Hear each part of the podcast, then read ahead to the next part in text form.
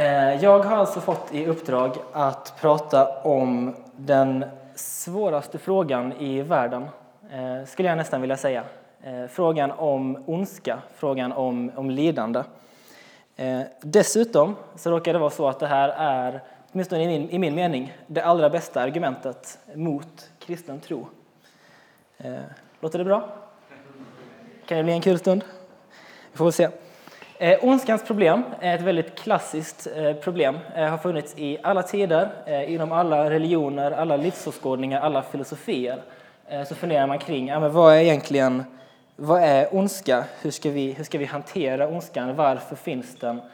Ehm, så det, det, är ett väldigt stort problem, en väldigt viktig grej.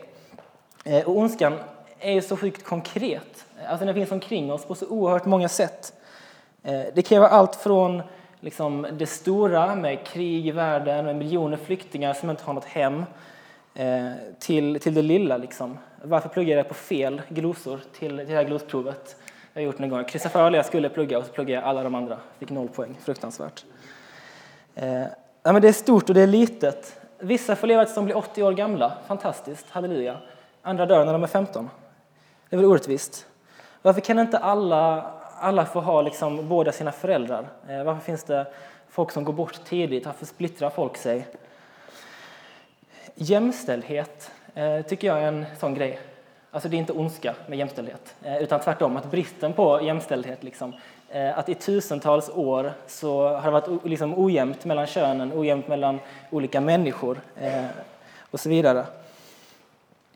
Eh, det är någonting som är väldigt konkret och som jag tror att alla kan, alla kan relatera till, eh, både innanför kyrkan och utanför kyrkan. Eh, så förhoppningsvis så kommer det här föredraget vara intressant för, för alla.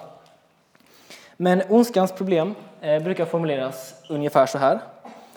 Om Gud finns och Gud är god, och Gud finns och Gud är allsmäktig, hur kan det då finnas så mycket ondska i världen? Så vi har liksom tre saker vi ska kombinera. Okej, Gud är god. Eh, han vill alltså bra saker, han vill inte ondska. Gud är allsmäktig, det betyder att han kan göra precis vad han vill eh, med världen. Liksom. Och den tredje punkten, det finns så mycket ondska.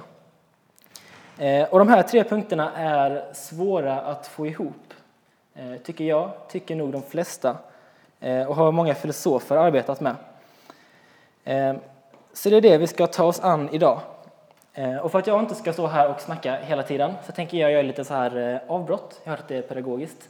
Eh, så att ni får vända er till era grannar, två och två, och bara prata lite om det här nu. Okej, okay, är det här ett problem eller inte ett problem? Varför det? Är det ett bra argument mot att Gud skulle finnas? Och den klurigaste av allt, vad skulle ni svara om någon som inte tror på Gud kommer med här, den här invändningen mot er? Så ta en eller två minuter nu, bara två och två så kör vi igång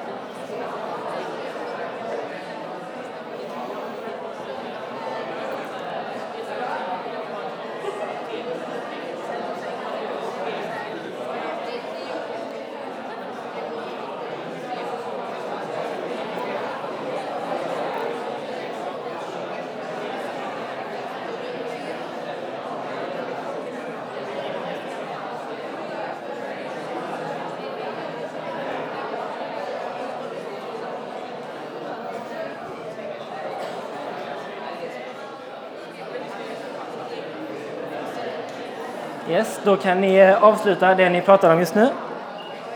Så samlar vi ihop oss igen.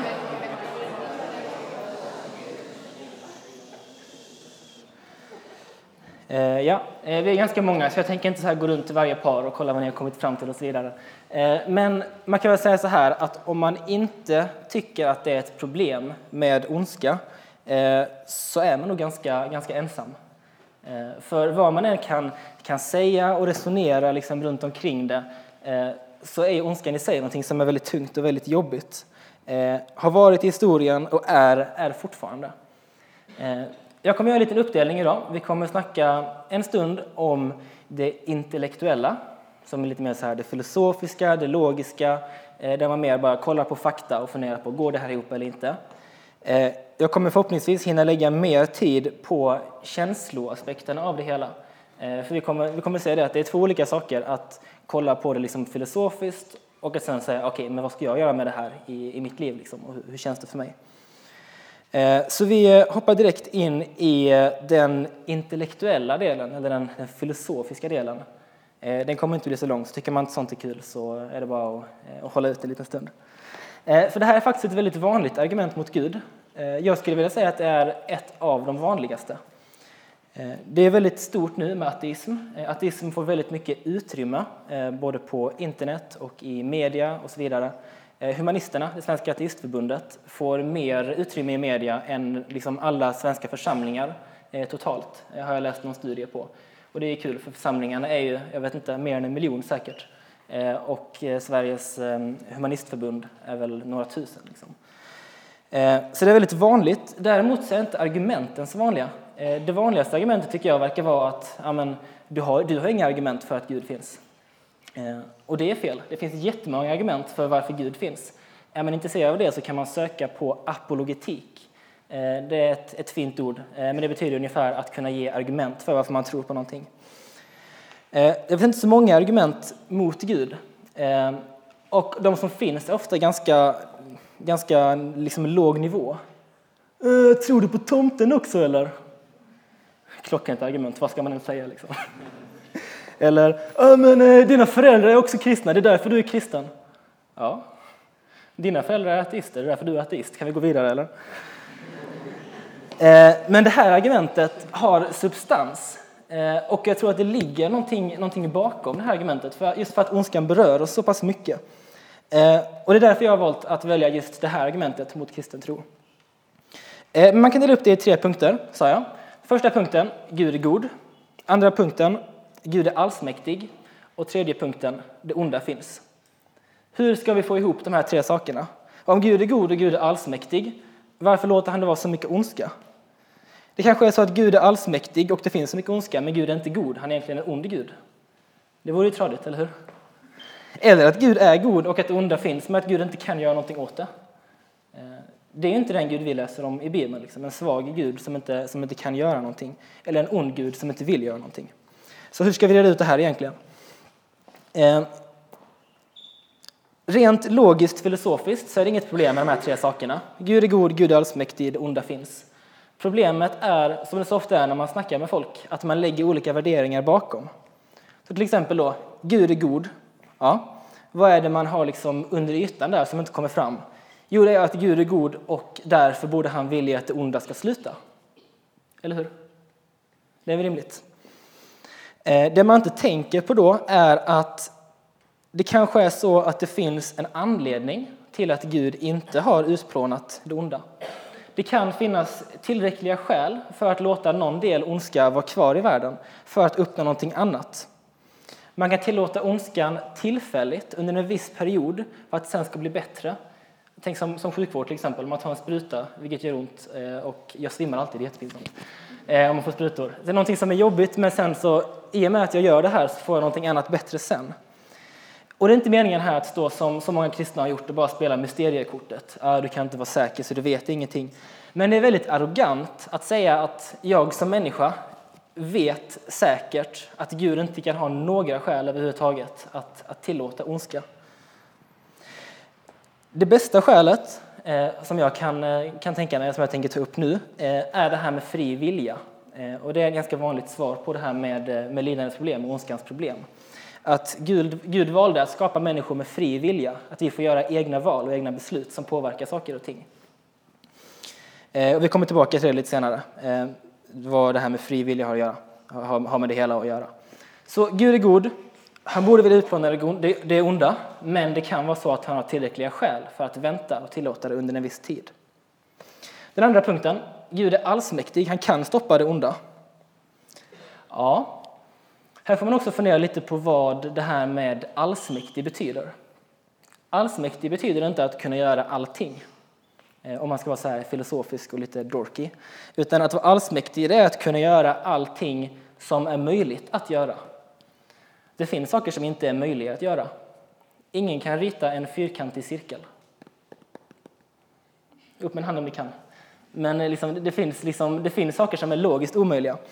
Och en sak som är logiskt omöjlig, knyter vi tillbaka till det här med fri vilja, det är att skapa människor som av fri vilja alltid gör en viss sak. För då försvinner ju hela grejen med, med fri vilja egentligen. Så om Gud vill skapa människor med fri vilja, eh, som kan välja att älska honom av egen fri vilja, så måste Gud också ge människor möjligheten att inte älska honom. Om Gud vill göra människor som av fri vilja kan göra bra saker, så måste Gud också ge dem möjligheten att göra dåliga saker. Därför kan man inte bara säga att ah, Gud, Gud är inte allsmäktig, för han kunde inte skapa människor som alltid gör det rätta. Det hade han kunnat, men då hade vi inte haft någon fri vilja och då hade vi bara varit liksom robotar eh, som går runt och inte har, inte har något känsloliv, inte, inte har någon mening egentligen. Så kan man tänka kring Guds allmakt. Och den tredje punkten, att det onda finns, eh, är egentligen inget problem eh, utifrån att vi kan tillåta det onda en kort stund för att på lång sikt kunna se liksom, det goda i det hela. Det som ligger under ytan här är att man tänker att det onda finns och alltid kommer finnas. Eh, och så är det ju tyvärr om man inte Alltså om man inte tror på Gud till exempel, eh, så har man inget särskilt skäl för att tro att ondskan kommer minska. Alltså ser vi, ser vi runt i världen så verkar det inte som att vi blir bättre på att hålla sams och bättre på att hålla fred. Liksom. Så det är rimligt att man tänker så, att det onda finns och kommer alltid att finnas. Men vi som kristna vet, att, eller vi som kristna tror, ska jag säga, att vi är mitt uppe i en räddningsaktion. Eh, att Gud håller på med någonting eh, som började i Jesus, eh, på många sätt fullföljdes i Jesus, men som fortfarande håller på att ske. Och därför är ett möjligt svar att visst, det onda finns just nu, men Gud jobbar på det. Och vi kan hjälpa honom att jobba på det. Så en liten recap då av det intellektuella. Och man kan säga så här, ateister kan göra det här på två olika sätt. Antingen så kan man säga Gud kan inte finnas på grund av, eh, ja, om Gud är god och Gud är allsmäktig så borde det inte finnas ondska. Eh, det argumentet misslyckas totalt. Eh, för att motbevisa Gud på det sättet så måste ateisten kunna visa att det finns ingen möjlighet till någonting annat än det här som jag säger. Eh, och jag har bara nu sagt fyra stycken utvägar som, som, som, som ruckar på det här argumentet. Så det här ondskans problem är inget motbevis mot Gud. Eh, och det är filosofer överens om. Liksom, eh, att, att det, är inte, nej, det är inte omöjligt att Gud finns på grund av detta. Det man då kan göra istället är att säga, ja, men är det inte väldigt osannolikt, är det inte väldigt otroligt att Gud skulle finnas eh, nu när det är så här? Eh, om han verkligen är god, om han verkligen är allsmäktig, att han tillåter så mycket. Ja, det är ett giltigt argument och jag skulle säga att det är ett ganska starkt argument mot, eh, mot kristen tro. Åtminstone om man jämför med, tror du på jultomten också eller? Eh, men nu har jag alltså nämnt ändå ett par, eh, inte fullkomliga lösningar, eh, men åtminstone för min tro tillräckliga lösningar på det här. Gud skulle kunna ha anledningar till att tillåta ondska i världen under en kort tid. Till exempel vår fria vilja. Gud kan bara göra det som är logiskt möjligt. Så vi kan inte förebrå Gud för att han inte plockar bort allt det onda, för då sabbar vi den fria viljan. Och att det onda finns, men Gud håller på att arbeta med det. Gud håller på att plocka bort det onda. Han har redan vunnit segern eh, och nu lever vi i en tid där, där liksom vi rör oss närmare och närmare himmelriket. Eh, och till slut så kommer Gud fullfölja sin räddningsaktion och då kommer ingen ondska finnas mer. Eh, vi kör lite bikupor igen på det, en minut eller två minuter och sen möjlighet att ställa någon fråga på det innan vi går vidare till nästa del.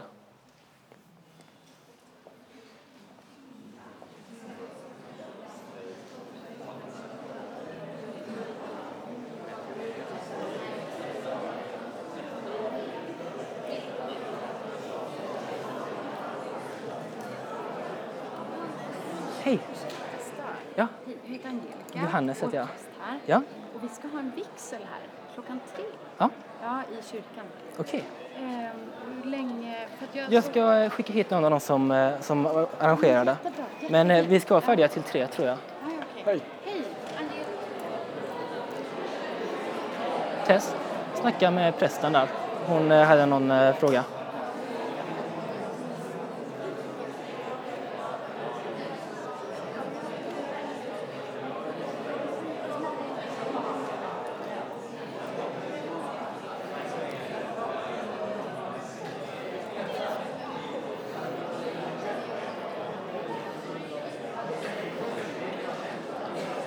Då gör vi så, oj, då gör vi så att vi avrundar samtalet. Eh, och så tänker jag att vi kan ta kanske en eller två eller tre frågor, om det är någon som har en. Ja. Ursäkta? Varför finns det sjukdomar? Ja, det är en svår fråga. Den är mycket svårare att koppla till, eh, till det här med, med fri vilja eh, och så vidare. Eh, jag skulle säga att det handlar om eh, vad Bibeln ger för svar på vad ondskan är egentligen. För nu har vi fokuserat på, på mänsklig ondska, eh, vad vi människor gör, vad vi människor ser och, eh, och tror. Men dessutom så är det så att hela, hela liksom planeten har, eh, har fallit, det som vi kallar för syndafallet inom kristen tro. Eh, och då är det så att det vi människor gör eh, påverkar även naturen runt omkring oss. Eh, jag tycker det är väldigt jobbigt och väldigt svårt. Det hade varit gött om syndafallet bara var att vi, liksom vi människor gjorde någonting dumt och sen så fick vi ett straff. Eh, men den kristna läran är att när vi gjorde det, eftersom att vi ansvarade för hela jorden, så föll hela jorden. Eh, så på samma sätt som, som vi eh, kristna eh, och vi människor överhuvudtaget har liksom brister och problem och sjukdomar eh, på många sätt. Varför vill vi inte bara göra det rätta? Eh, Och även om vi egentligen vill vilja göra det rätta, varför kan vi inte bara göra det? Eh, Så tror vi att även, även liksom hela planeten och hela skapelsen i sig eh, har motsvarande symptom.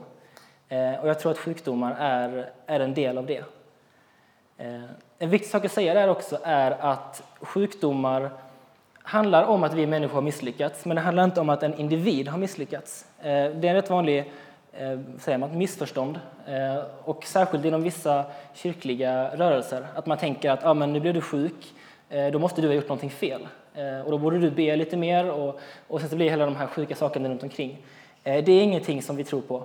Eh, Jesus är väldigt tydlig med det vid något tillfälle där det kommer en, en sjuk man och lärjungarna frågar ah, vem var det som syndade så att han blev sjuk. Var det han eller var det hans föräldrar? Eh, och Jesus säger att nej, det funkar inte så. Eh, så det är viktigt att vi ser att sjukdomar inte är en konsekvens av liksom den individuella synden utan av, av syndafallet. Men det är en svår fråga. Man skulle kunna ha en egen, ett eget pass om det. Någon mer fråga? Nej, då kör vi vidare. Så då har vi pratat om det intellektuella, eller det, det filosofiska, eh, kring den här frågan. Eh, och jag vet inte om ni köper mina argument eller inte. Eh, ni har säkert egna tankar kring det här. Eh, men jag tycker att det här är tillräcklig, en tillräcklig grund, om man arbetar med det här, eh, för att förstå hur, varför världen ser ut som den gör. Eh, varför liksom, ja, men det finns kvar krig, det finns kvar sjukdomar, det finns de här sakerna. Eh, men det är en sak att i huvudet fatta hur det här är och hur det hänger ihop eh, och så vidare. Men en annan sak när det blir verkligt. Vad händer liksom i mitt liv när det händer just mig? Eh, jag kan förstå att visst, det kommer finnas ondska, det kommer finnas krig, det kommer finnas olyckor. Men, men varför, varför måste just min mamma bli sjuk? Varför måste just min kompis som är i den här trafikolyckan? Eh, Och där skulle jag säga att det riktigt, riktigt stora problemet med ondska finns. Den intellektuella frågan är liksom avhandlad och behandlad och det finns många resonemang kring det. Men vad ska vi göra när det händer oss? Liksom?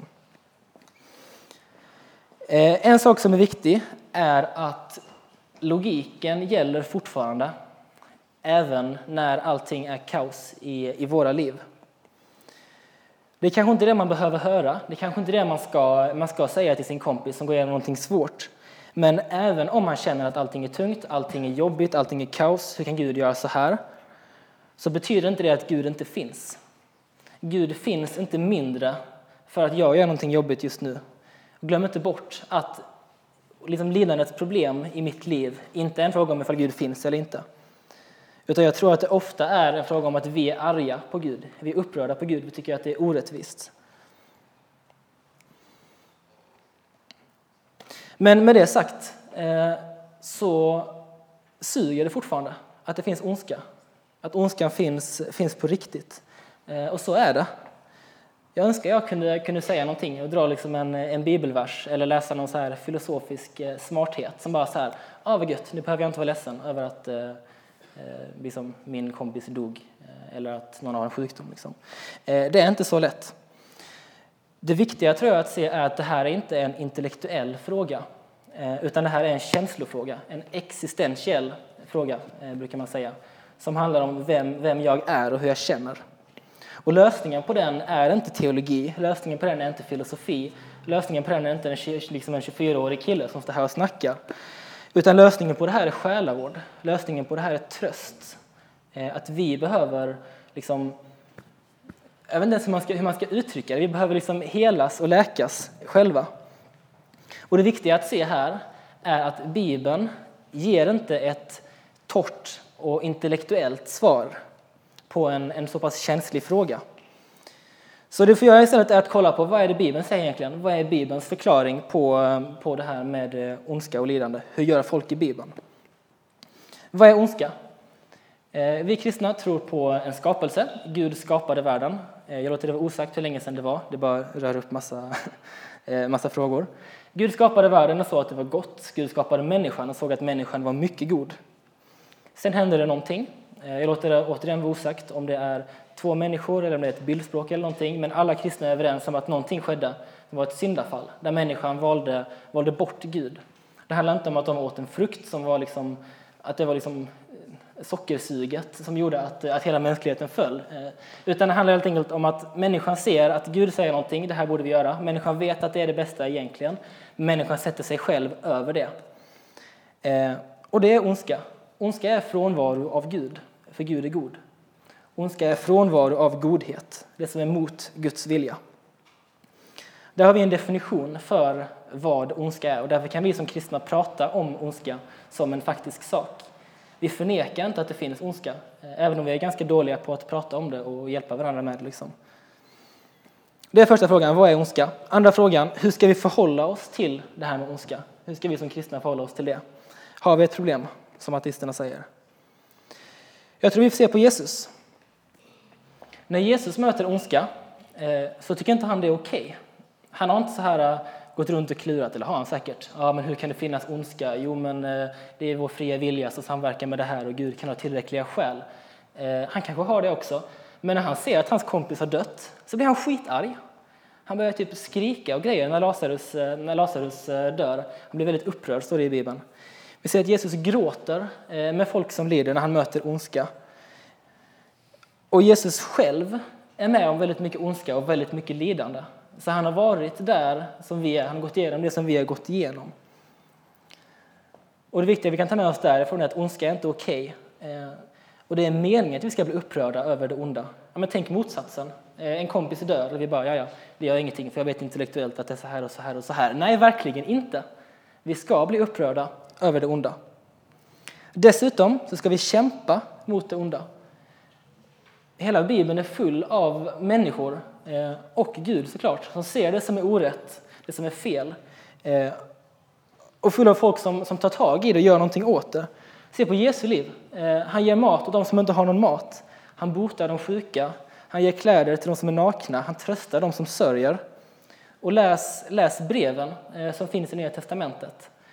Så ska ni se att vi kristna har en uppmaning att kämpa mot det onda. Det är hur vi ska förhålla oss till ondskan. Dessutom är vi inte ensamma, för Gud är med oss. Gud är med oss i sin kraft, eh, tror vi. Och Gud är med och tröstar oss, får vi lita på. För Jesus har själv varit där, Jesus har själv gått igenom de sakerna. Gud är inte en Gud som bara sitter uppe på ett moln och kollar ner på oss och skrattar. Utan Gud är en Gud som kom hit levde ett liv så som vi gör, men gick igenom allting som var svårt, allting som var tufft. Och därför kan han trösta oss på riktigt. Och den tredje frågan Så första frågan var, vad är ondska? Andra frågan, hur ska vi förhålla oss till den? Och tredje frågan, hur, vad händer i framtiden? Finns det något hopp för framtiden? Och återigen så får vi se på Jesus. Eh, Jesus har vunnit den ultimata segern över döden, eh, över det onda.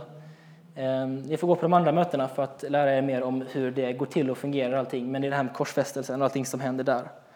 Ytterst sett så är döden besegrad.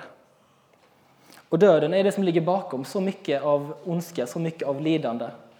Eh, och då är det tryggt att veta att den är besegrad.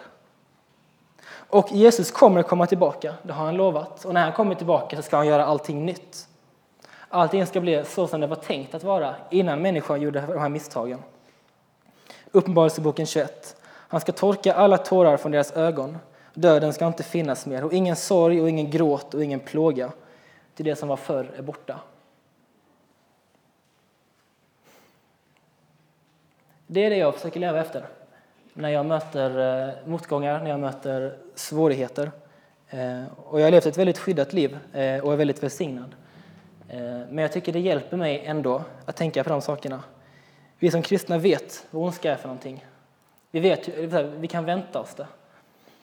Vi behöver inte bli, bli chockade över det. Vi vet hur vi ska förhålla oss till det. Det är rätt att vi blir upprörda, det är rätt att det är jobbigt. Vi ska kämpa mot det och göra det vi kan. Och framför allt, vi har ett hopp för framtiden. Dels att jorden inte alltid kommer vara en så här fruktansvärd plats med alla liksom naturkatastrofer och sjukdomar och olyckor och relationsproblem och franska glosprov och allt vad det kan vara för någonting. Utan också att vi, när vi dör, kommer till Jesus. Eh, och där har ni en chans att ställa saker och ting till rätta. Så det handlar om en rättvisa både i framtiden eh, alltså för jorden i framtiden, men också för alla oss här och alla som har levt tidigare.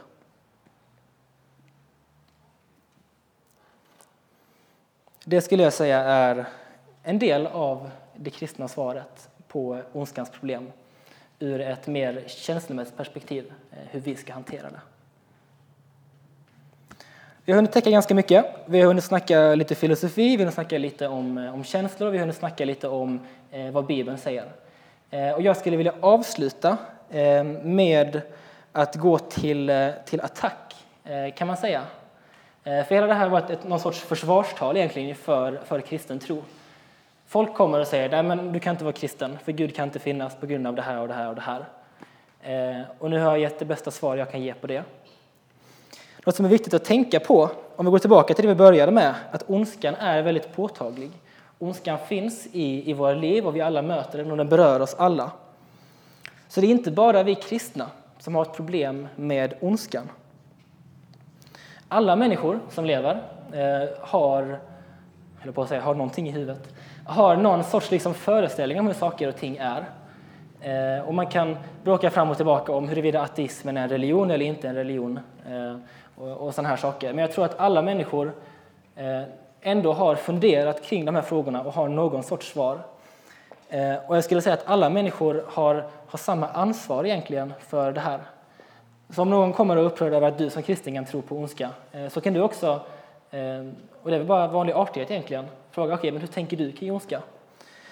Eh, och det är svårt det här, det är lätt att man gör en strågubbe. Eh, strågubbe är när man, Eh, när man ska representera, representera någon annan och måla upp en falsk bild av det.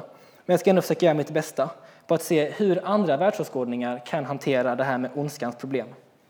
Utifrån de här tre punkterna som jag körde innan, jag skulle nog haft lite bilder egentligen. Eh, men kan man definiera ondskan? Hur ska vi kunna leva med ondskan? Och finns det hopp för framtiden? Eh, om vi börjar i islam. Islam är en religion som är väldigt lik vår religion. De tror också på en gud. Eh, en del säger att vi tror på samma gud, andra säger att vi inte gör det. Eh, så de har sin definition av ondska på ungefär samma sätt som vi har. Hur ska de uthärda ondskan? De har inte en Gud som har gått från att vara här uppe och stor och mäktig eh, och sen kommit ner till oss och levt som oss. De har inte en Gud som fullt ut förstår vad det är att lida. De har inte en Gud som har offrat sig själv för att hjälpa oss. Det blir svårare. Dessutom har de en helt annan syn på vad som kommer hända vid tidernas slut. Eh, så det är väl inte alls lika lätt för dem att säga ja, men så här lång tid och sen så kommer det komma tillbaka eh, Sen så kommer liksom eh, Mohammed komma tillbaka, eller Jesus komma tillbaka och sen löser sig allting. De har inte samma syndafallsteologi. Jag kommer bara röra till det. Men det finns skillnader mellan islam och kristen tro. Om vi pratar om lite mer moderna religioner med så här new age och flum och andlighet och så här eh, olika stenar och tarotkort och så vidare eh, så har man ofta en väldigt vag bild av vad ondska är för någonting. Eh, man liksom pratar runt den frågan och man fokuserar på allt det bra istället. Ja, men alla, människor är som, alla människor är som gudar eller har en stor potential och om man är väldigt positiv, det är det som är utmärkande för, för new age. Men man duckar lite för den här frågan med ondska och lidande genom att bara, ja ja, vi ser framåt istället, vi ser framåt istället.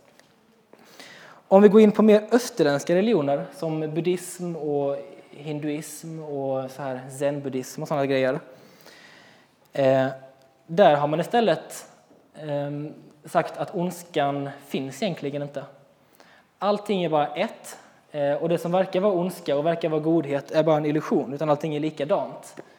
Ehm, och det är ett ganska bra sätt att förhålla sig till ondska. Om vi möter ondska så kan vi försöka intala oss själva att nej, det, det, det, är, nog inte, det är nog inte så farligt egentligen. Ehm, för det blir lättare att leva med det om vi bara försöker att inte, inte ta ondskan på allvar. Liksom. Problemet är att det slår ut, liksom säga, backlash.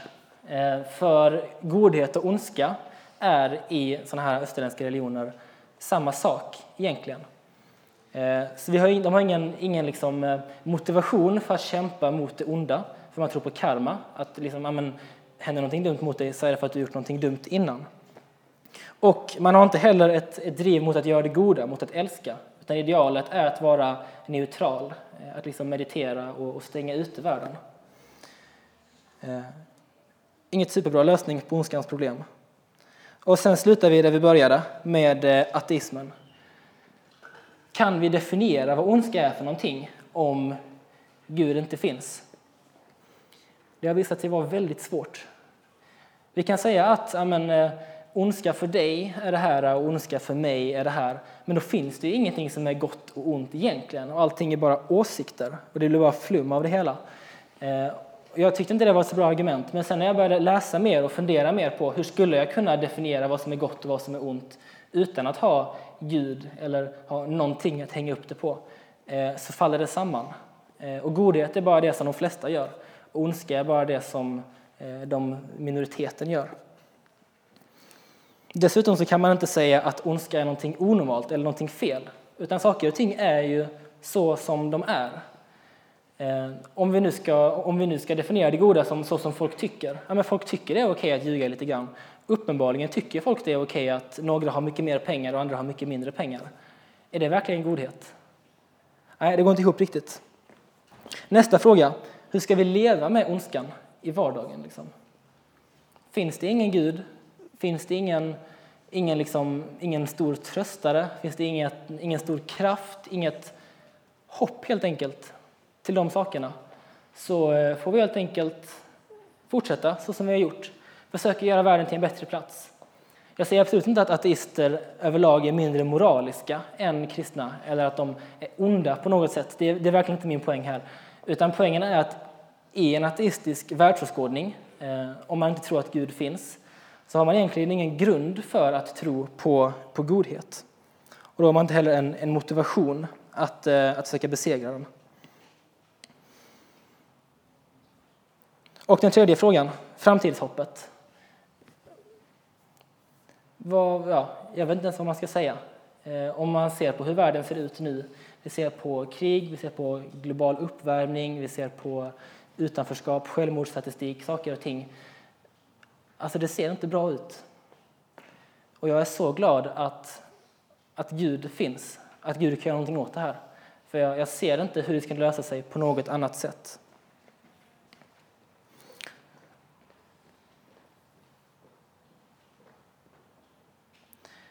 Ja, det blev kanske lite rörigt på slutet. Eh, men min poäng i alla fall, eh, som ni får ta med er, och ni får, att det är så svårt att klämma ihop sånt här, ni får fundera på det själva. Min poäng är i alla fall att vad man än tror på och vem man än är, så finns ondskan, och ondskan är någonting vi måste förhålla oss till. Eh, jag har fokuserat på att försöka ge ett kristet svar på vad ondska är, hur vi ska kunna uthärda det och hur vi ska kunna ha hopp för framtiden. Eh, och när ni får den här frågan, eller när ni grubblar på den här frågan, så tänk på att det är någonting som alla, som alla måste liksom brottas med och som alla måste kämpa med. Eh, sen Så när det är tungt i livet och ni bara känner, nej skit i det. Jag tror inte på det längre Gud. Så försvinner inte problemen för det. Eh, utan alla livsåskådningar, vad man än tror på, kommer behöva möta ondska, kommer behöva fundera kring det. Det är inte bara vi kristna.